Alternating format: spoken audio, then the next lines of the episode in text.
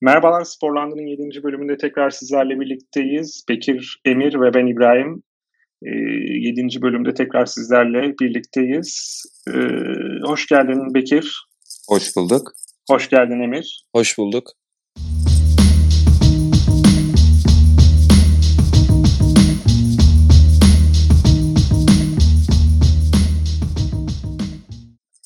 E, nasıl gidiyor hafta? Bunu sana sormalı bence İbrahim. Evet aynen öyle. ya İyi. benim açımdan hakikaten biraz yorucu bir hafta oluyor. E, Finlandiya'ya sonunda gelebildik. E, işte Arkadan alkış efekti verebiliyor muyuz? buraya ekleyebilirsen. Bu arada bu bölümün montajını da Bekir yapacak. Onun için yani aksaklıklar olabilir diye düşünüyorum. Şimdiden kusura bakmayın. Evet abi işte e, geldik şehre. İlk başta Helsinki'ye indik. Sonrasında bir üç buçuk saatlik yolculuk daha. İşte e, Yuvaskula şehrin adı. Sonunda doğru e, telaffuzunu öğrendim. Ama hala öğrenecek çok şey var ve e, eksi 10 derece. İşte dün gece biraz sorun oldu soğuktan. Oralara çok girmek istemiyorum. Şu an için öğrenmemiz gereken bilgiler bunlar herhalde. Ee, ben Siz ne yaptınız? yani iyi. Finaller bitti diye giriş yapmak istedim. Finaller evet bitirdi. Sonunda finaller bitip Şey, şey diye e, ok- başladı. okul tekrar açıldı. Bugün okulun ilk günüydü. Finaller başlayacak. Ben şeye değinmek istiyorum. İbrahim Finlandiya macerası kapanmadan önce e, bugün yayın yapmak için e, bir zaman belirledik. Saat öğlen 2'de konuştuk herhalde. İbrahim en son Ikea'ya gidiyorum ben. Akşam 10 gibi buluşuruz dedi. Evet. Ar- Ardından asla haber alamadık İbrahim'den. E, Emir hatta şey İsveç sınırını geçmiştir şu an gibi espriler. Soğuktandır falan diye. Biz ikimiz Emir'le başlayacakken Emir, e, İbrahim hemen hızlı bir dönüş yaptı. evet. Ona da teşekkür ediyoruz zaman ayırdığı için. Evet evet. Yani iyi denk geldik. Yoksa bensiz bir bölüm olacaktı hakikaten. Ee, çok bir kayıp olmazdı muhtemelen.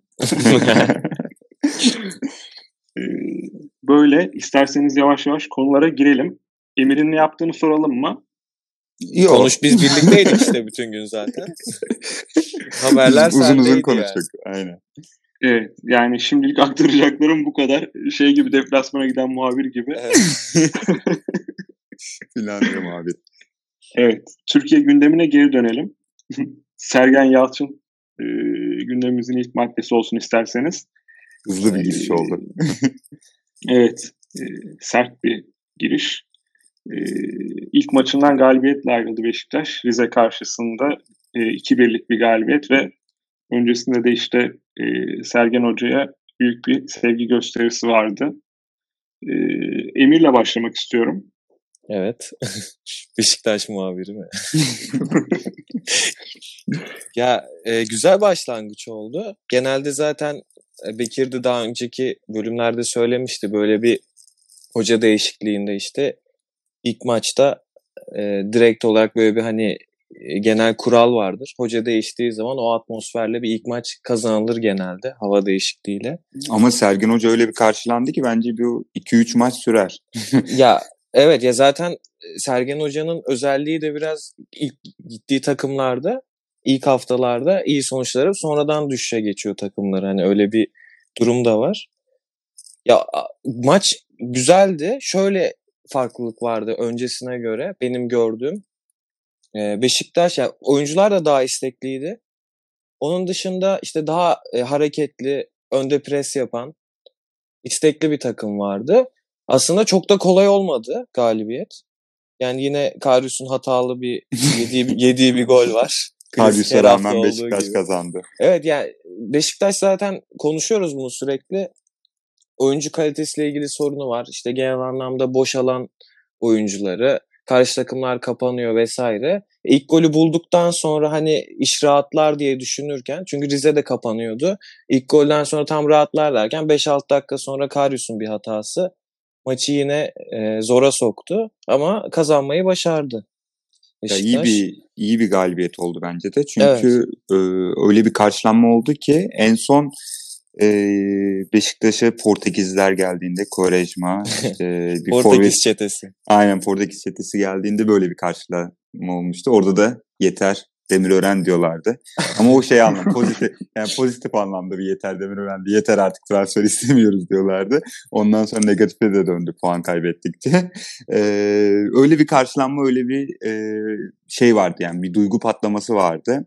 Beşiktaş eski günlerinde yaşadığı o dolma bahçeyi doldurması işte söylenenlere göre ben orada değildim ama e, yani gümüş suyundan aşağı inen yolda Taksim'den stadyuma kadar ya da ağaçlı yoldan Beşiktaş'tan stada kadar bir kuyruk oluştuğu söyleniyordu. Yanılmıyorsam da 21 bin kişi karşılamış Hoca'yı. Evet 21 bin kişi. Yani ben ilk başta şöyle düşünüyordum. Biz en son podcast'i çektiğimizde e, Sergen Hoca'yla anlaşma kesinleşmemişti ama... Evet İbrahim yüzde... Tayfur Avuç'un geleceğini ben diyordu.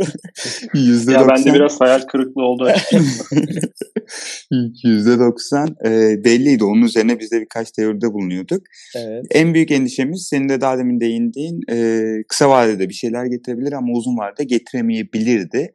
Bende şöyle bir şey oldu. Bu karşılanmadan sonra e, Beşiktaş taraflarında gördüğüm o duygu patlamasından sonra bu kısa vadeyi iyi bir planlamayla e, uzun vadeyi yayabilir Beşiktaş. Çünkü ya bu bir... arada o araya gireyim kısa. Yok buyur. Şö şöyle bir şey var. O kısa vadede ya ayrıldığı takımlarda mesela şöyle durumlar var işte. Ya birisinde Eskişehir'in ayrıldığı dönem işte oyuncuların maaşı ödenmiyordu. Yine Malatya'da transferle ilgili bir sıkıntı olduğu söyleniyor. Hani aslında sırf takım düştüğü için kısa sürmesi de değil. Yani ben burada e, sadece Sergen Hoca odaklı olduğunu düşünmüyorum. Yani o takımlarla işte anlaşmaların kısa sürmesinde. Yani evet. Yani Türkiye şartlarına bakınca zaten e, şeyler de oluyor. Bu çok çabuk oyuncu değişikliği. İşte kulüplerin yönetim anlayışları biraz hani beklenenin üstünde bir performans sergilediği zaman hocalar kısa vadede ya bu sefer başkanlar demek ki bu oluyor. Daha fazlası, daha fazlası. İşte para harcamak istemiyorlar aynı zamanda. Hem fazla başarı istiyor hem para harcamak istemiyorlar vesaire. Biraz onunla alakalı da sorunlar yani Sergen Hoca özelinde de değil. Yani evet ama e, şöyle bir şey eğer Beşiktaş yönetimi Sergen Hoca'nın değişikliğini e, biz kötü sonuçlar aldık ve hoca değiştirip hemen iyi sonuçlar alalım odaklı bakıyorsa klasik Türkiye takımlarında e, Süper Lig'de yaşanan sorunla karşılaşacak. Öyle ya da böyle. Ama evet. eğer uzun vadeli planlama düşünüyorlarsa burada bir öze dönüş varsa, kendi kaynaklarını kullanmaya yönelik bir hareket varsa hı hı. E, ileriye dönüp daha başarılı şeyler çıkabilir. Şöyle bir istatistik var. E, bu sezon 10 takımın teknik direktörü değişmiş. Yani Kayseri Spor herhalde ligin sonuncusu ya da sondan birincisi. E, 4 tane teknik direktörü değişmiş böyle sürekli başarısız sonuçlarda teknik direktör değişikliği çok göz önünde. Kolayca rastlayabiliyoruz bunlara. Ya umarım Beşiktaş için e, bir öze dönüş yaşanır. Kendi kaynağını kullanma olur. Ama benim yani eğer uzun vadede planlama oluyorsa benim düşüncem şöyle bir şeydi. E, Sergen Hoca evet bir dinamizm kattı takıma ama bir sportif direktör yani Sergen Hoca'nın da üstünde olabilecek, futbol şubesini yönetebilecek, Türkiye Ligi'ni iyi bilen deneyimli, aynı zamanda Sergen Hoca'nın hareket kabiliyetini de kısıtlamayacak bir tane e, hoca mı deney diyebiliriz, futbol adamı mı diyebiliriz, futbol kadını mı diyebiliriz. Bu konuşuluyor bu arada. Yani ya, evet. haberi var mı bilmiyorum. Lucescu ismi hala geçiyor ya. Beşiktaş'ın Yok, hala Lucescu'dan bahsetmemiştim. Ama yani, yani senin dediğin görev için Lucescu'nun düşünüldüğü yazılıyor. Lucescu ile görüşme halinde olduğu söyleniyor. Yani Sportif evet, direktörlük mantık... işte futbolcu bulmak için. Ya en mantıklısı bu olabilir bence. Ee, klasik sportif direktör deyince Önder Özen aklı geliyor. Hı hı. Ee, yani Önder Özen belki tekrar bu alana dönmeyebilir. Ama en azından Önder Özen e, kişiliğinde bir futbol insanının geri dönü yani bu pozisyonda olmasını beklerim ben Beşiktaş adına. Evet. Ya orada kısa şeyi de söyleyelim. Sen hani dedin ya uzun vadede mi düşün diyor. Ya Abdullah Hoca nasıl gönderildi biliyoruz.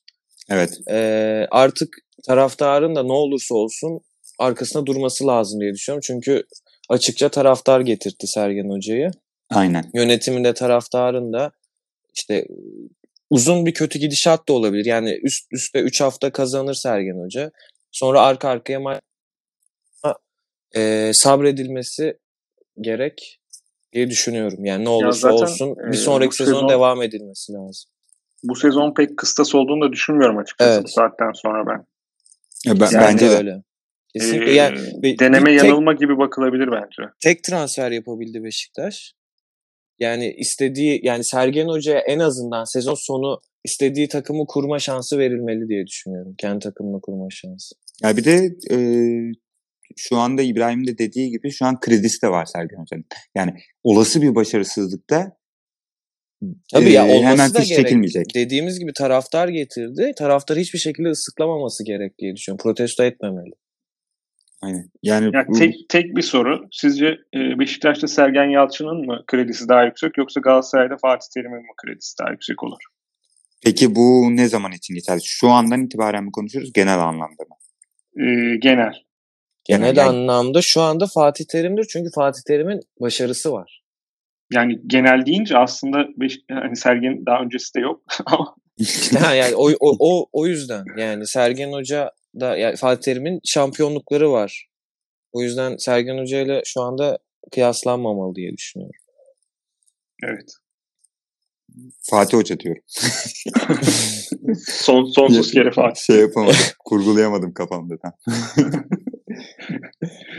E, evet. E, işte- Şampiyonun maçına geçelim yavaş. Trabzonspor. evet. Evet, ya ma- maçı da Bekir'le birlikte izledik. İşte Beşiktaş'ta izledik. Biraz Bekir'i konfor alanının dışına çıkardık ama Bekir biraz ag- virüs bizi de etkiledi.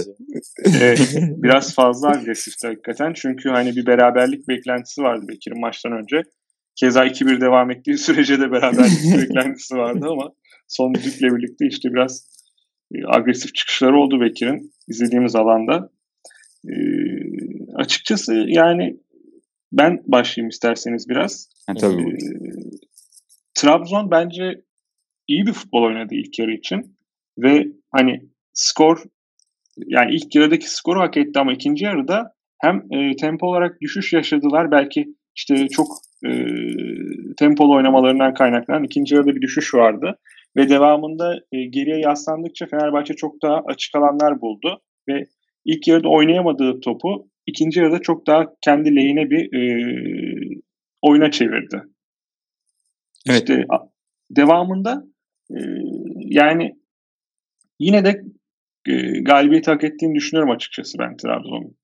Bunun pek objektif bir bakış açısıyla söylendiğine inanmasam da e, katılanlara saygı duyuyorum tabii ki. Evet, Ya. Bekir'in düşüncelerini dinleyelim. Bekir söylesin. Yani e, sağ içinden başladık. Bence sağ içinden çok sağ dışına da değinmek lazım ama sağ içinde e, İbrahim dediklerine ek olarak tır- yani iki takımda bir taktiği vardı. Çok değişik bir şekilde çıkmadılar sahaya. Fenerbahçe çok erken bir golle başladı. Bunu koruyamadı. Orada e, yani Trabzon takım oyunundan çok bazı karakterlerin çıkıp e, direkt bireysel yeteneğini göstermesi de ön plandaydı. Hı hı. Benim dikkatimi çeken şu vardı Fenerbahçe özelinde gidince. Maç boyunca çok dominant oynadı. Yani bundan önce Başakşehir maçında ligin en iyi takımı olarak e, nitelendirilen Başakşehir maçında çok iyi bir oyun sergiledi. Ardından çok gergin bir ortamda Trabzon deplasmanına gittiğinde %64 ile topla oynayıp e, işte yaklaşık 25 tane 24 tane de şut şansı buldu. Bunlar çok e, önemli noktalar ama bir Fenerbahçe taraftarı olarak üzüldüğüm nokta bitiriciliği çok zayıftı. E, Trabzon'da uzun top tercihini kullandı. E, Fenerbahçe ile kıyaslamalarına baktığımda istatistik olarak yaklaşık bir 10 top daha fazla pas açısından söylüyorum. Hı hı. E, burada da en büyük etken Sher- Sher- Sherlock. Sherlock mu Sherlock Ya- mu? Ya da Sörlot. Benim S ve Ş sorunum olduğu için böyle isim Yok Sherlock da diyorlar. Sherlock Evet evet ikisi de de var. kullanılıyor bu arada. Ee, o zaman Sherlock diyelim. İbrahim daha iyi bilir. İskandinav oğlu. Kuzey Avrupa'dan. Bu, bunu bir sorduracağım ilerleyen günlerde. Oradan akraba eşi dostlar. Ee, yani orada eşleşmelerde Jason'la eşleşiyordu, Serdar'la eşleşiyordu. Ee, burada çok büyük bir boy avantajı vardı. Bunu da çok e, iyi bir şekilde kullandılar. Aynı zamanda da e, Trabzon'un Vakayeme'nin yokluğunda sol kanadı da etkili bir şekilde kullanmayı başardı Ekuban'la. Ek, Ekuban'la evet. Yüzde 40 yani atakların yüzde 48'i Evet. sol taraftan gerçekleşmiş. Hatta gol de oradan geldi ilk golde. Hı hı. Yani e, eğer sağ içinde kim iyi oynadı derseniz, maçın hakkı neydi derseniz yani maçın hakkı berabere diyebilirdim ama Fenerbahçe'de alsa, Trabzon'da alsa e, ikisi de kötü oyun sergilemedi açıkçası. Evet, ya Fenerbahçe hakikaten iyi oynadı baktığınız zaman ama e, Trabzon'da kazanacak sonucu yaptı demek doğru olur. Ama Fenerbahçe'yi de ben çok beğendiğimi eklemek istiyorum. Ya Te- şöyle aslında dediğiniz gibi ortadaydı. Ya Trabzon bir de fark ettiyseniz golden sonra diziliş değiştirdi. Ondan sonra e, dizilişi değiştirdikten sonra başta Pek işte fark etmedik herhalde bir tepki gelmedi. evet hiçbir şey söyle 4-4-2 baklava düzeniyle oynuyorlardı. Hatta zaten maçın başında gol yemek büyük dezavantaj. Ben çok şaşırdım yani. Direkt maçın başında atak Evet, evet. yiyip golü yediler. 47. saniyede. Evet ya çok düştü aslında takım. Ondan sonra golü bulduktan sonra dediğin gibi ya Ekuban yine atağa çıkardı. Burada ben şeyi de söylemek istiyorum. Yani geçen hafta Vişça Tolga Ciğerci eşleşmesini konuşmuştuk. Bu hafta Evet. da Tolga'yı sağda oynatıp Ekuban'ı durdurmaya çalıştı. Ama bu hafta çok başarılı olamadı diye düşünüyorum. Yani Ekuban kontraya iyi çıkardı takımı. Onun dışında dediğiniz gibi zaten Sörloth çok konuşuldu. Çok iyi bir performans ortaya koydu. Fiziğine göre çok süratli. O da kontraya uyum sağladı. Ben bunların dışında bir de NDI'yi çok beğendim açıkçası. İbrahim Yani de bayağı hem, beğendi. hem Ya- savunmada yani Mikel çok iyi değildi diye düşünüyorum. Hem savunmaya hem ileriye yetişti. Box to box rolünü çok iyi oynadı. Ya India'yı ben hakikaten senelerce çok beğenerek izliyorum. Hı hı. Ama neden Galatasaray'da kalmadığını, kalıcı olamadığını hakikaten çözemedim. Maçtan önce de Bekir'e söyledim. Bekir dedi ki devamlılığı yok bu oyuncunun dedi. Şimdi benim futbol bilgim Bekir kadar yüksek değildir ama Estağfurullah. ben gördüğüm zaman topçunun hasından da anlarım yani biraz. Ger- ama Ndiaye gerçekten hakikaten yani, çok iyiydi. Yani hırsı, fiziği müthiş. evet. Ya iyi maç çıkardı. Yani bir Takımın de en iyilerinden biri. NDI'nin iyi olması o en son yani futbol taktiğinin son evrimleşme sürecinde yani en son e, sürümünde de e, orta sahalar yani 8 numaralardan artık hocalar şey bekliyor. Bir dribbling bekliyor. Yani topu alıp hızlı şekilde çıkmasını bekliyor. Mesela Ömer Bayram'da da vardı o. Topu alıp Hı hı. sol kanada da götürebiliyordu topu. Yani Hı hı. takımı çok hızlı bir şekilde ileri götürebiliyordu. Bunun en iyi örneklerinden biri Kante. E, NDI'de de bu var. Evet ama Galatasaray'da ya benim düşüncem e, bir devamlılığın olmadığı. İki, ikinci sezonda çok iyi değildi. İlk Evet. sezon çok üst düzey performans sergilemişti. Bir de biliyorsunuz Osmanlı Spor'dayken on numara oynuyordu. Ya defansif özelliği çok fazla olmayan bir oyuncuydu. Onu Aynen. da çok geliştirdi. Fiziksel olarak çok iyi gördüm yani. Maçın, Evet, maçın en iyilerinden. Şunu da konuşalım. Ee, federasyona da tepkiler bu arada her geçen gün daha fazla artmaya başladı. Hani her takım tarafından. evet, yani her farklı hafta farklı. belki bunu konuşuyoruz ama Herkes kendi derdinde. evet. Yani demek ki demek ki iyi bir yönetim var gibi geliyor bana. her ne kadar iyi bir yönetim olmasa da herkes Ben ilk defa ediyorsa. böyle bir bakış açısı gördüm. Mantıklı olabilir. Bunun üstüne gidebiliriz. Yani biraz da bunu konuşalım isterseniz. Ee, zaten son zamanlarda şey var. Nihat Özdemir'in istifa edeceği söyleniyor. Bu Yarın haberi çıktı yalanlandı hatta arkasından. Yarın Evet. saat 1 11'de bir basın toplantısı olacak. Ee, büyük ihtimal biz e, yüklediğimizde bu podcast'te açıklanmış olacak. Büyük ihtimalle istifa et- istifa açıklanmış mı dedin Emir sen? Ha, istifa haberi çıktı sonra yalanlandı. Ha tamam ben açıklanmış diye düşündüm. Yok. Ee, çünkü şey diyecektim. Büyük ihtimal yalanlayacak bunu diyecektim. Yok Ee, yalanlandı haberi de çıktı arkasından. Karışık durum ama ya birkaç gündür yeni işte başkan adaylarının kim olacağına dair bile haberler çıkıyor. Farklı farklı isimler konuşuluyor. Yani şöyle Daha bir şey. istifa olmadan. Ben Fenerbahçe e, yönetim tarafından baktığımda bundan önceki podcastlerde çok fazla konuştuk. En büyük endişelerinden biri e, şu. Futbolu yönetenlerin, futbolun içinde olan insanların bir işte kuruma, bir e, kişiye ya da bir organizasyona bağlı olmaması gerektiğini Evet, söylüyorlar. daha önce görev almaması gerek bence. Ee, Fenerbahçe taraftarının ve Fenerbahçe yöneticilerin maç sonundan sonra maç bittikten sonra yaptığı açıklamalarda ya da göster tepkilerde de hakem hatalarına değindiler. Benim açımdan evet bazı kritik hatalar var ama hakem inanılmaz maçı katletti, kaderiyle oynadı diyemiyorum. Ama bazı noktalar var. Bunun dışında benim e, bir futbol sever olarak bir de Fenerbahçe taraftarı olarak en çok böyle sinirlendiğim ve kabul edemediğim durum e, yani futbolun dışında olan bir siyaset diyebiliriz buna ya da hı hı. bir e, kişiye bir yerlere bağlı olmaması gereken bir futbol takımına bağlı olmaması gereken e, devlet adamlarının maçtan sonra Trabzon'u şampiyon yapacağız işte Trabzon e, güzel bir galibiyet aldı. Charlotte çok iyi falan gibi açıklamalar yapması bana çok mantıksız geldi açıkçası. Trabzon'u şampiyon yapmazlar. Bunu Sivas'a dedik bak yapmadılar. Trabzon'da düşüşe geçer. Bu arada İbrahim iki hafta önce şampiyonluk adaylarını sorduğumda Sivas'ı saymadı ve arkasından Sivas iki haftadır kazanamıyor gerçekten. İbrahim'i tebrik ederim buradan. Yine öngörüşüyle. Yani benim evet. oradaki federasyondan çok bence oradaki yapılanmaya yönelik bir şikayet var. Ee, çok buraya girmek istemiyorum çünkü e, başka bir soru sormak da istiyorum bu konuyla ilgili. Hı hı. Ee, şey, yani buraya girmeden şuna da değinmek istiyorum. Hem işte devletin, siyasetçilerin futbolun içine girmesi, girmemesini istiyor futbol yöneticileri. Hem de böyle zora düştüklerinde, batma seviyesine geldiklerinde hatta battıklarında ama bunu kabul edemediklerinde ilk kapısını çaldıkları devlet adamları oluyor. Yani burada ikili bir ilişki de var açıkçası. Bence zora düştüğünde ilk kapını çaldığın kişi devlet insanıysa ya da bir siyasetçi ise başka bir durumda da şikayet etmemen gerekiyor diye düşünüyorum ben. Oradaki dengelerin daha iyi ayarlanması gerekiyor diye düşünüyorum açıkçası. Evet. Bunların aşılması çok zor bence de. Yani yıl, Burada yıllardır bu arada süre gelen bir şey. Bir kitap tavsiyesinde de bulunayım ben. Ee, Bizim için Oyna isimli bir kitap e, var. Şu an yazarını ne yazık ki hatırlayamıyorum ama e, futbol ve siyaset ilişkisini özellikle Türkiye genelinde inanılmaz bir şekilde irdeliyor. Özellikle e, Osmanlı'nın son dönemlerinden başlayarak ilerleyen yıllara kadar. Bu konuda yani yıllardır hani hiçbir şekilde futbol siyaset ilişkisi bitmeyecek açıkçası. Ee, evet. Yazarın adı Mehmet Ali Gök açtı olabilir mi? Yüzde yüz olabilir evet. Evet bu da Yüzde yüz olabilir. Bir podcast olduğu için hemen bakıp söyleniyor podcast'in yararları. Çok teşekkürler Bekir. Rica ederim. Ee, şeye getirmek istiyorum ben ee, başka bir konuya geçmeden önce. Yani bu sonuçta bir şampiyonluk yolunda çok önemli bir maçtı. Ee, çok da etkiledi.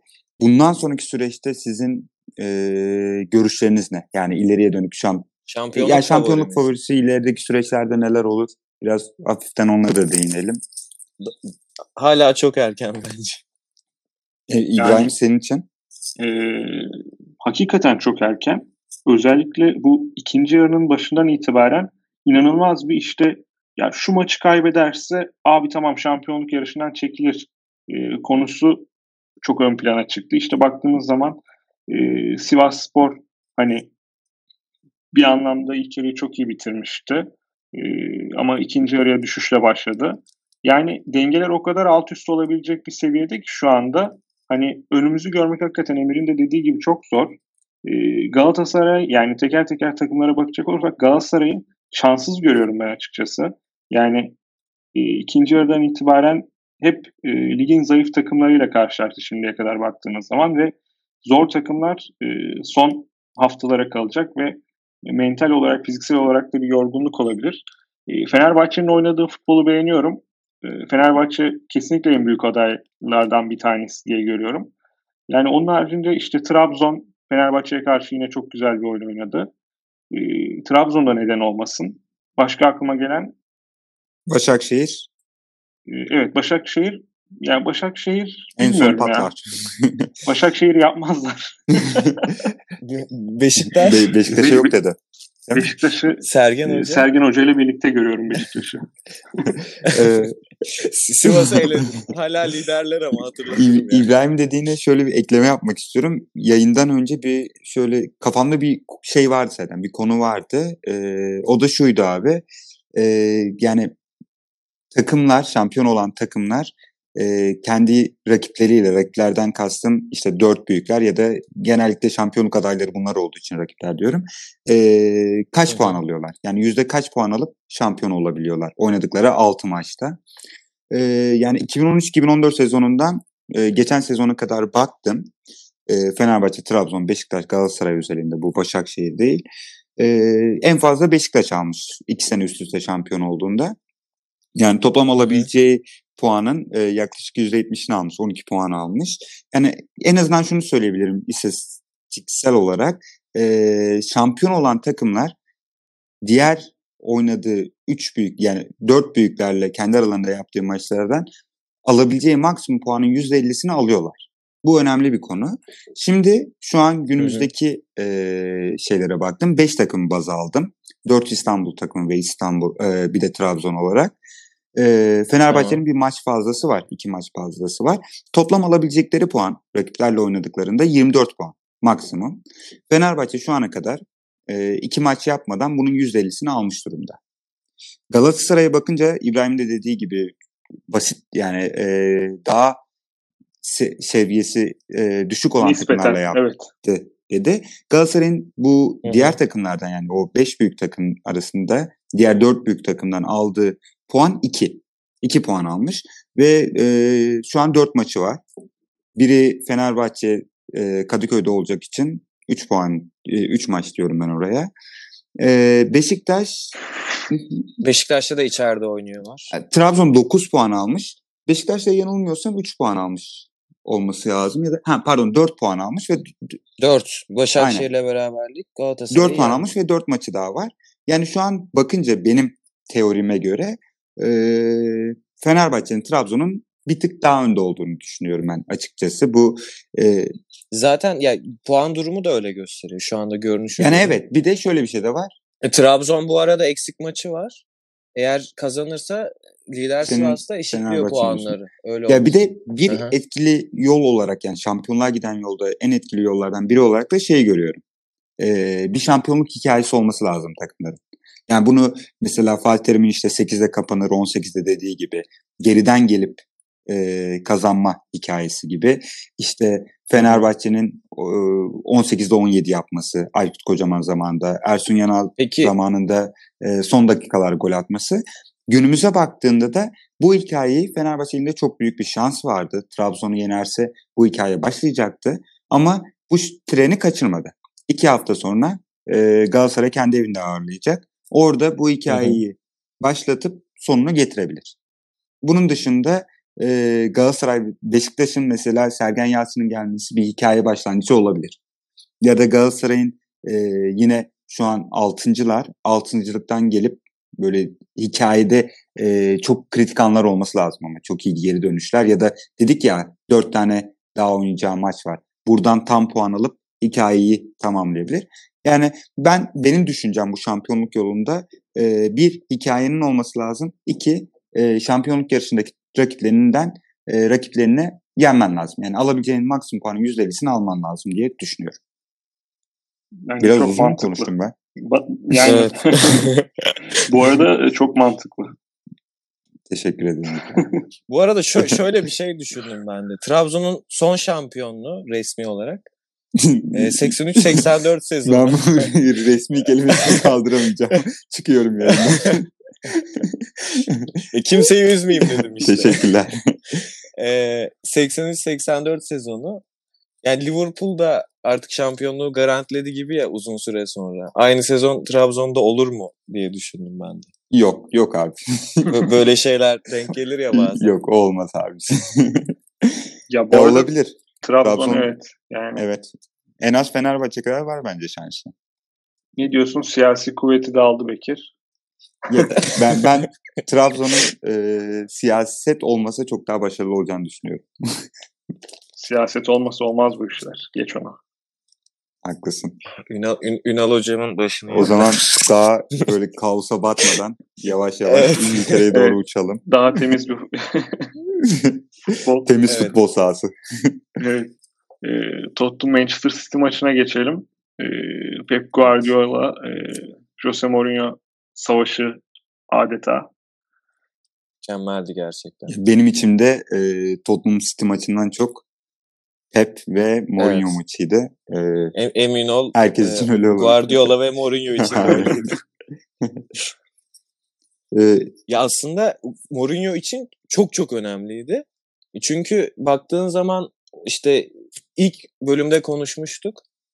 Eski takımı e, United'a ve Chelsea'ye kaybetti. Yani çok önemli sınav olarak görülen bu iki maçı kazanamayınca artık son şans Guardiola'ya karşı kazanmak gibi. Bir de yani son haftalarda iyi puan toplayamadılar Kane'in sakatlığı vesaire. E, çok güzel bir maçtı. Kazanması da ayrı iyi oldu bizim için. Bir Mourinho'cu olarak. Ben de tam e, yani şöyle bir şey demek istiyorum. E, bu arada ilk bir film önerisiyle ilgili Bahçe Rüyası olması lazım. Netflix'te bir belgesel. Ee, evet benim ısrarla izlemem Orada da şeyden bahsediyor. Pep'le Guardiola'nın e, Pep'le Mourinho'nun arasındaki e, olayın ne, nereden başladığından bahsediyor. En son Serkan Akkoyun da herhalde TRT Spor'da küçük bir kesit yapmış bununla ilgili. Hı hı. Ya oradan aldığım evet. bilgilere göre yorumlarsak e, şöyle bir hikaye var. E, Barcelona e, Frank Rijkaard'la ayrıldıktan sonra 2008'de bir teknik direktör arayışına giriyor ve Mourinho'ya gidiyor. E, Mourinho'nun menajeri olan e, Jorge Mendes olması lazım. Aynı zamanda Ronaldo'nun falan da Portekizleri Avrupa'ya yollayan adam. Ee, onunla bir görüşme gerçekleştiriyorlar. Mourinho da var orada. Mourinho bir sunum yapıyor. Bu sunumdan sonra aslında Barcelona yönetimi beğeniyor. Çünkü Mourinho'nun da bir tercümanlık e, şeyi var. Geçmişi var Barcelona'da. Bobby Robson'ın şeyi olarak. E, evet aynı dönemde. Teknik yani. Guardiola'da o şey oyuncuyken. Ee, yani böyle bir üçgen var. Ardından şey diyorlar hatta Mourinho teknik direktör, e, Guardiola da şey yardımcısı olsun diyorlar. Ama Barcelona yönetiminin ondan sonra kafasındaki soru işareti şey oluyor. Mourinho'nun davranışlarıyla Barcelona'nın kültürünün eşleşmemesi. Yani Johan Cruyff da e, Johan Cruyff'un kitabını da önerim. Ben sürekli bir şey öneriyorum. Orada da hep e, kültürlerden bahsediyor. Ajax kültürüyle oyuncuların nasıl eşleşmesi gerektiğinden. Burada da e, zaten Mourinho'nun gelmemesini isteyen tarafta. E, böyle bir kültür uyuşmazlığından dolayı Mourinho'yu istemiyorlar. Ardından Pep Guardiola ile Guardiola ile anlaşıp e, Pep'i getiriyorlar teknik direktörlüğe. Ondan sonraki zaten büyük rekabet. O El Clasico'nun en e, kaotik olduğu böyle en çirkinleşti ama en aynı zamanda da en çok zevk verdiği dönem başlamış oluyor. Buradan da işte en son son güncel hali de City Tottenham maçı. İnanılmaz bir maç bence. Kırmızı kartlar havada uçuştu. Havada uçuştu demeyeyim bir tane oldu. e, pozisyonlar evet, havada pozisyonlar uçuştu. havada uçuştu. Penaltılar kaçtı. Ee, Kısaca bahsedelim istersen maçın hikayesini. Yani çok taktiksel girmeyelim diyorum çünkü... Taktiksel de ya gidişattan maçın başında bir görmüşsünüz Sterling'in pozisyonu var. Evet ya o... Mourinho e, sonradan izledi telefondan arkada delirdi kırmızı çıkmayınca. Yani var da bekletti ama kırmızı kararı çıkmadı. Ali'nin bileğine basıyor. O arkasından penaltı pozisyonunda işte e, Loris çıkardı. Hemen devamında yine bir penaltı pozisyonu oldu. Yine var bekletti. Orada inanılmaz bir Ondan reaksiyonu sonra, var Mourinho'nun da. evet ya orada ya hakemin kararı aslında absürt. Ya penaltı olması lazım. Penaltı değilse de Sterling kendi yere attığı için ikinci sarı karttan Sterling'e atması evet. lazım. İkisini de yapmadı. Hem penaltıyı vermedi hem Sterling'e kart çıkmadı. Öyle olunca Mourinho delirdi kenarda. Doğru. Arkasından Tottenham arka arkaya golleri buldu. Bergwijn'ın mükemmel golü. Aslında maçın genelinde çok iyi değildi. Mükemmel bir gol attı. Açılışı yaptı o Ya sizi de inanılmaz pozisyonlar kaçırmış. Yani Evet maçın başında Agüero'nun direkten dönen pozisyonu var. O girse bambaşka bir maç olabilir tabii. tabii. Net kaçırdığı pozisyonlar biraz, var. Biraz Mourinho şansı diyebiliriz. Mourinho sever böyle işleri. Yani benim de e, Pep Guardiola'nın da kitabını okuduktan sonra kendi yazdığı değil ama Pep'e çok yakın olan bir gazetecinin yazdığı bir kitap. İnanılmaz bir hayranlığım Hı-hı. oldu. Manchester City'yi hiç sevmiyorum. Yani hiç benim futbola bakış açımla uyuş, uyuşmuyorlar. Ama e, Pep'ten dolayı böyle hafiften Manchester City'ye bile şey e, güzel şeyler beslemeye başladım. E, ya, sevmeme sebebin taktiksel değil o zaman. Kimin? Yani Manchester City mi? Ya City'yi sevmeme Yok City'nin e, en son işte kulüp evet kulüp yapısıyla alakalı. Kulüp yapısıyla alakalı. e, şeyden bahsetmek istiyorum yani o Pep'le Mourinho'nun benim gözümde de en çok ayrıldığı nokta ikisinin e, vizyonları, hayata bakış açıları Pep'in hayata bakış Hı-hı. açısı inanılmaz bir noktada bence. Bunu da en derin şekilde hissettiğim benim bu güncel olayda basın toplantısı oldu. E, Mourinho işte orada niye kırmızı çıkmadı? İşte hakemin bir hatası yok, varın hatası var gibi. Yani Türkiye'de klasik teknik direktörün gördüğü demeçleri verdi, söylediği demeçleri. E, Mourinho, e, Guardiola ise çok farklı bir bakış açısından bakıyordu. Herkes daha sakin dinleyip maç içinde istatistik de verebiliyordu. E, genel yapıyla ilgili de konuşabiliyordu. E, hatta hı hı. basın toplantısına bir saat geç çıkmış. E, büyük ihtimal içeride bir haşlama falan da olmuş olabilir. Hı hı. Benim en çok e, dikkatimi çeken ve kafamdaki soru işareti de şuydu.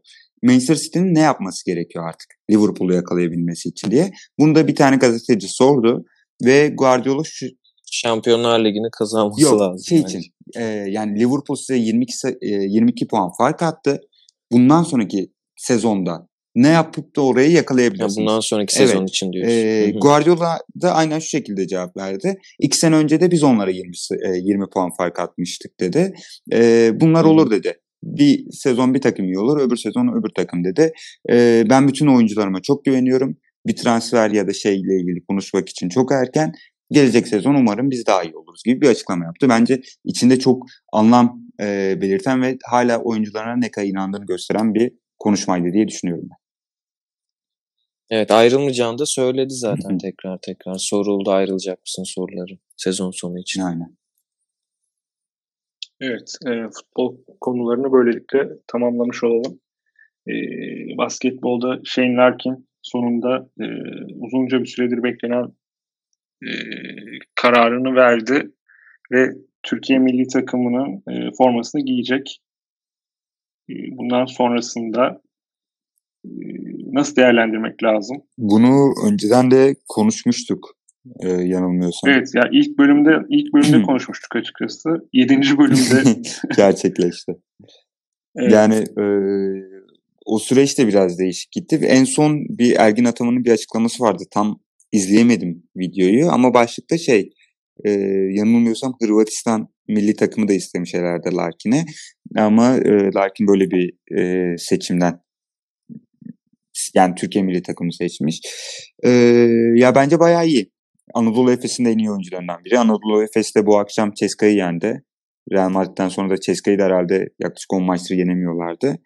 E, burada da başroldeki oyuncu. E, milli takımına çok yarar sağlayacağını düşünüyorum. Yani ama şey ayrı bir açıdan tartışılabilir. Yani ne kadar milli bu tartışılabilir açıkçası. Ya e, takım sporları açısından bence e, buna biraz daha ılıman bakmak gerekiyor diye düşünüyorum. Çünkü e, bireysel sporlar için evet yani doğrudan bir e, sporcunun gelip de başka bir milli takım adına yarışması belki çok daha Hı-hı. farklı değerlendirilebilir ama hani o 12 kişilik kadroda sadece bir e, devşirme oyuncu hakkında olması bence biraz daha e, soft değerlendirilmesi gereken bir durum. Ya aslında ama öyle bakmamak lazım bence. İkisi aşağı yukarı aynı şey çünkü ciddi bir katkı verecek yani sonuçta.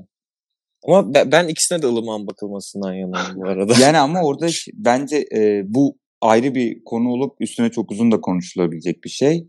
Evet. Ee, burada çok derinlemesine açmak istemiyorum ama Hep böyle deyip giriyoruz. Yani, o ufacık kenarından gidersek ben de orada şeyi de iyi irdelemek lazım. Yani sporun amacı ne? Ee, bir ülkeyi ha. spor organizasyonunda çok, çok temsil etmenin amacı ne? Ondan sonra böyle bir şey falan o konulara girebiliriz ama ben e, yani bir spor sever olarak Shane Larkin'in kendi ülkemi spor takımını temsil ederken görmek benim açımdan mutluluk verici açıkçası. Ya burada evet. emeği geçenleri de Teşekkür ederim. Evet. E, bu arada şey, Shane Larkin'e Şahin Erkin diyebilir miyiz artık? Yok. Abi bence aynı isimde kalsın. Yani Scottie Wilbeck'in aynı isimde kalmıştı. şey ya bu Marsu arada... Aurelio'ya ne demişler? Mehmet Aurelio mu demişti? Mehmet, Mehmet Aurelio. Mert evet. Nobre. Kazım Kazım. Kazım Kazım çok iyi. Colin Kazım. E, evet İbrahim buyur. Bu arada Bobby Dixon'ın Muhammed Muhammed Ali. Ali Muhammed. Ali, Ali Muhammed pardon. Evet. Aynen. Tam Muhammed Ali çok şey oldu. o biraz çakma gibi oluyor. Yayını kapatalım burada. Çıkalım. bu arada bu sporda devşirme konusunda ilerleyen e, bölümlerde konuşalım derim. Evet. Ne diyorsunuz? Konuşalım. Gündemden çıkıp böyle daha güzel sol Evet. Gündem bitmiyor Herkes- ama. Her hafta bir gündem oluyor. Çıkamıyoruz gündem. Bir Şampiyonlar Ligi de geliyor yavaştan. Oo. Evet Şampiyonlar Ligi Ama konsepti ona göre şey yaparız ya. Uyarlarız biz. Evet. Ne olsa konuşuyoruz yani. Aynen. Evet. e, bugünlük konularımızı tamamlamış olalım. Önceki iki yayına göre biraz daha kısa bir yayın e, Bu oldu. da geri dönüşlerden ders çıkartma olarak. Evet. Evet. Evet evet. Yani biraz irdeledik o olayı. 60 dakika kimse izlemiyormuş. bir de 40 dakika Dinlemi dinleyelim. dinlemiyormuş. O hafta 20 dakikada olabilir. en son 10 sporlandığını dakika. kapatıyoruz. evet. Bakacağız ya artık bakacağız işte. İbrahim senden daha çok anı bekliyoruz haftaya. Ya umarım evet. Çünkü Ben benim de- finaller bitti, okullar açıldı. Sen bir böyle kıta değiştirdin falan. Evet evet. Kı- kıta değiştirmedim ama. Yani sonuçta Middle East o şey böyle Orta Doğu'dan oraya falan. Ben ben öyle uyarladım kafamda. evet. Öyle diyorsan öyledir. Evet. Yarın sizin de dersleriniz var. Evet. Senin yok herhalde. Benim de e, benim İbo, henüz yok. İbo gezmeye gitti. Sen, bayağı tatil Evet. Ee, benim de yarından sonra oryantasyon günü olacak. Bakalım artık ya. Sana başarılar diliyorum. Çok teşekkür Kızakla ederim. mı okula ben gidiyorsun? başarılar Ba- diliyorum. başarılar İbrahim. Bisikletle gitmeyi düşünüyorum. Ama öyle Yollara bir yollar açık mı? tuzlamış belediye. İmam son. Şimdi biliyorsunuz yeni bir cumhurbaşkanı var. İşte beğenerek takip ediyoruz ya. Oyu da ondan yana kullanacağım O muhtemelen. kadar. Ba- bayağı buraları bırak. Aynen öyle. O zaman sen ye- Yani. yeni bir podcast kanalı aç. Spor Helsinki olarak. Oradan podcast hayatına devam et. Fince öğrenmeye ne zaman başlıyorsun? Fince öğrenme okulun başlamasıyla birlikte bir Fince dersi alacağım. O zaman Bakalım. Tamam gelince yani burada girişleri konuşuruz. falan. Merhaba ne demek mesela Fince? O konuya henüz gelmedim. Tamam o zaman. Ya, Haftaya yavaştan, girişi Fince yavaştan yapıyorsun. kapatalım. Daha Bir başlamadım. saate doğru Ama- gidiyor bu. Geyiğe döndük artık. Evet. Ee, teşekkür ediyorum. Ben beyler. teşekkür ederim. Sağ Sağ olun. olun. Var Size olun. teşekkür ederiz. Evet. 8. bölümde görüşmek üzere diyelim. Sözleşelim. Ve e, seyircilere de teşekkür edelim. Görüşmek üzere. İyi geceler. Görüşmek üzere. Veya ne zaman dinliyorsunuz? Sabah kahvaltısında da dinliyor olabilirsiniz. Hoşçakalın diyelim. Hoşça Hoşça diyelim. Bitirmiş